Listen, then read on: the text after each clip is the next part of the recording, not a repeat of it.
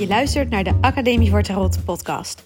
Mijn naam is Christa en ik deel heel graag al mijn tarot-ideeën, kennis, filosofische gedachten en creatieve tarot-inspiratie met jou, zodat ook jij het heft in eigen hand kunt nemen met de kaarten. Welkom, welkom. Superleuk dat je weer luistert. Vandaag ga ik het hebben over de Marseille Tarot. En dat komt omdat ik een berichtje kreeg van iemand die had gereageerd op een blog van mij. In uh, augustus heb ik een blog geschreven uh, getiteld Wat zijn de beste tarotkaarten voor beginners? En daar had ik het eigenlijk alleen maar over de Rider-Waite-Smith, uh, de Thoth Tarot en de Tarot in herstelde orde. En dat zijn eigenlijk een beetje de drie systemen die ik um, het meest voorbij zie komen als waar beginners uit proberen te kiezen. En ik had er toen niet bij stilgestaan dat je natuurlijk ook Marseille kunt tegenkomen en kunt denken: oh, daar ga ik mee beginnen. Dus uh, ik kreeg een reactie op die blog en, en die persoon die schreef: uh, hey, ik heb een boek besteld over de Marseille Tarot. Want Marseille zijn volgens mij de oudste kaarten. En ja, daar wil ik dan mee gaan leren. Maar wat is jouw mening dan over de Marseille? Want dat staat er niet bij. En uh, vervolgens stuurde hij nog een soort PS van: hey, ik heb het toch geannuleerd en ik ga met de Rider-Waite Smith beginnen, want dat heb jij aangeraden. Nou, dat vond ik natuurlijk op zich al leuk om te horen dat iemand mijn advies al wilde overnemen. Uh, maar hierbij dus mijn mening over de Marseille Tarot. Ik wil als eerste even een kanttekening maken bij de opmerking dat de Marseille de oudste kaarten zijn, want dat is niet zo. De Marseille Tarot werd voor het eerst uitgegeven in de 17e eeuw. En daarvoor waren er al kaarten in Italië in de 15e eeuw. Uh, het oudst bekend, de oudere decks zijn uh, Visconti Sforza en de Solapushka. Dat zijn de twee uh, namen die ja, oudere decks zijn. Dus Marseille is niet het oudste. Marseille is misschien wel het oudste waar ook duidelijke beschrijvingen van zijn over hoe je ermee kunt divineren. Maar dat weet ik niet helemaal zeker. Maar ik geloof dat dat uh, in elk geval dat daar dan de oudste bronnen van zijn. Over de Marseille zijn in elk geval in de 17e, 18e eeuw, geloof ik, uh, bronnen bekend waarin geschreven wordt over hoe je de kaarten ook betekenissen kunt geven. In plaats van dat je ze alleen maar gebruikt als een kaartspel. En ik denk dat we niet zeker weten of de Visconti Sforza in Italië al op die manier gebruikt werd. Maar pin me er niet op vast. Dit is een beetje voor zover ik er nu over gelezen heb. Als iemand die dit luistert er meer informatie over heeft of er meer over weet dan ik, sta ik altijd open voor, uh, voor feedback. Maar in ieder geval is de Marseille dus niet de oudste. Nou, um, Marseille is ook een op zichzelf staand systeem. En er is een groot verschil met de Rider-Waite-Smith en de Thoth en ook de herstelde orde. Namelijk, uh, bij de Marseille heb je kaarten die veel meer lijken op een kaartspel. Een gewoon kaartspel waarbij je harten en ruiten, klaveren, schoppen hebt. En net als bij een gewoon kaartspel heb je daar namelijk, bij de Marseille, dat je van iedere uh, kleur, heet dat in het Nederlands, suit in het Engels. Uh, dus bijvoorbeeld de harten. Op een gewoon kaartspel zie je vijf harten. En bij de Marseille zie je bijvoorbeeld bij de vijf, um, wat hoort er bij harten kelken, bij de, of zie je vijf kelken. Terwijl op de Rider-Waite-Smith, bij de vijf van kelken, zie je een persoon staan die bij de rivier staat, die triest kijkt naar drie omgevallen kelken en achter hem staan twee kelken nog overeind. En er is nog veel meer te zien op die kaart.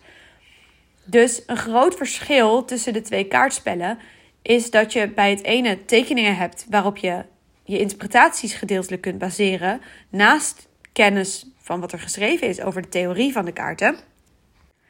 Terwijl je dus bij de Marseille het moet doen met het aantal uh, ja, harten, het aantal ruiten. En in het geval van de Marseille dan een aantal staven, zwaarden, uh, kelken en munten. Dus voor beginners zou ik de Marseille eigenlijk nooit aanraden, omdat het gewoon best wel moeilijk is om die kaarten te leren. En volgens mij heb ik in een eerdere podcast over uh, kaartspellen voor beginners het hier ook al over gehad, over dit verschil. Maar omdat specifiek dus gevraagd werd van... hey, wat vind je van de Marseille? Wilde ik daar nog wel graag een aparte podcast over opnemen. Wat ik wel intrigerend vind aan de Marseille... wat ik nog wel wil zeggen... is um, dat het een andere manier van werken schijnt te zijn. Ik heb me dus niet heel erg verdiept in de Marseille... dus ik weet niet zo heel goed hoe het zit. Maar ik heb wel toen ik bij de uh, UK Tarot Conference was. Uh, niet afgelopen jaar, maar het jaar daarvoor. Toen sprak ik iemand die mij uitlegde dat in het werken met Marseille, daar wordt ook gekeken naar als je meerdere kaarten op tafel hebt, zie je dan in de kleine arcana dat er dingen meer worden of dat er dingen minder worden. Dus als er bijvoorbeeld een drie van uh, staven ligt en daarna ligt er een zeven van staven, dan wordt dat meer. Terwijl als er een drie van staven ligt en daarna ligt er een twee van staven, dan wordt het minder. En die lijnen kun je dan dus gaan bekijken van hey, zie ik een toename of zie ik een afname van, in dit geval van de staven, de energie van de staven van vuur bijvoorbeeld. En als je uh, dat nog, dat kun je dan ook nog weer mixen. Dus, dus dit is dan als je twee stavenkaarten hebt, maar als je een stavenkaart en een kelkenkaart hebt, dan is het ook nog, nou ja, vermindering van het een en, en het ander komt er dan bij of zo. Dus gaat heel erg naar het kijken van die basalere energieën van iedere uh, suit in de kleine arcana, dus iedere kleur. En dat vind ik dus best wel een interessante manier van werken. En ik weet niet of het een manier van werken was die standaard is voor de Marseille. Of dat gewoon deze persoon een eigen methode had ontwikkeld met die kaarten. Maar dat was dat ik dacht, hé, hey, dat is wel iets interessants om in te duiken. En ook iets wat je natuurlijk wel kunt toepassen als je andere kaarten gebruikt. Maar ik denk dat dat, dat, dat visueel sterker is op de Marseille. En dat vind ik dus wel een, interessante toevoeging. Waarvan ik dan denk van, hé, hey, uh, ja, daar kan ik nog wel van leren. Maar voor beginners zou ik zeker niet aanraden om met de Marseille te starten.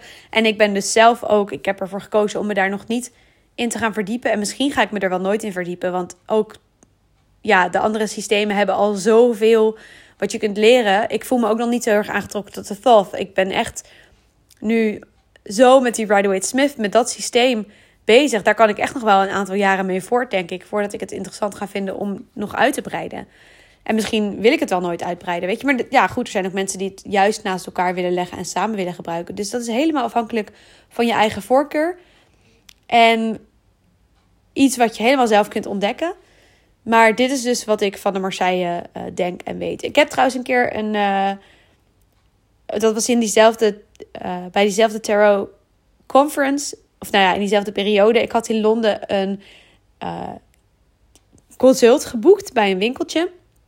En die man die de kaarten daar voor mij legde, die legde ook met Marseille. Dus dat vond ik heel tof. En toen dacht ik, oh, dan kan ik het meteen soort van in werking zien. Maar in plaats daarvan kwamen er vooral grote arcana-kaarten en hofkaarten op tafel. En ik geloof dat er maar één kaart uit de kleine arcana lag. In totaal waren er iets van vijf kaarten, geloof ik, of zo, of zes. Dus ja, dat ging eigenlijk niet door. Want we hebben het gehad over die grote arcana-kaarten. En dat was natuurlijk uh, ook super interessant en leuk om te doen. Maar daardoor heb ik niet die kant van de Marseille kunnen ervaren. Dus dat vond ik eigenlijk stiekem wel jammer. Uh, maar goed, dat is dus mijn mening over de Marseille. Ik weet er dus nu nog niet zo heel veel van. Maar in ieder geval zou ik het voor beginners niet direct aanraden. Tenzij je heel erg gegrepen wordt door dat idee. Om er op die manier mee te werken. Maar um, nou, tot zover voor vandaag. Dankjewel voor het luisteren en tot de volgende podcast.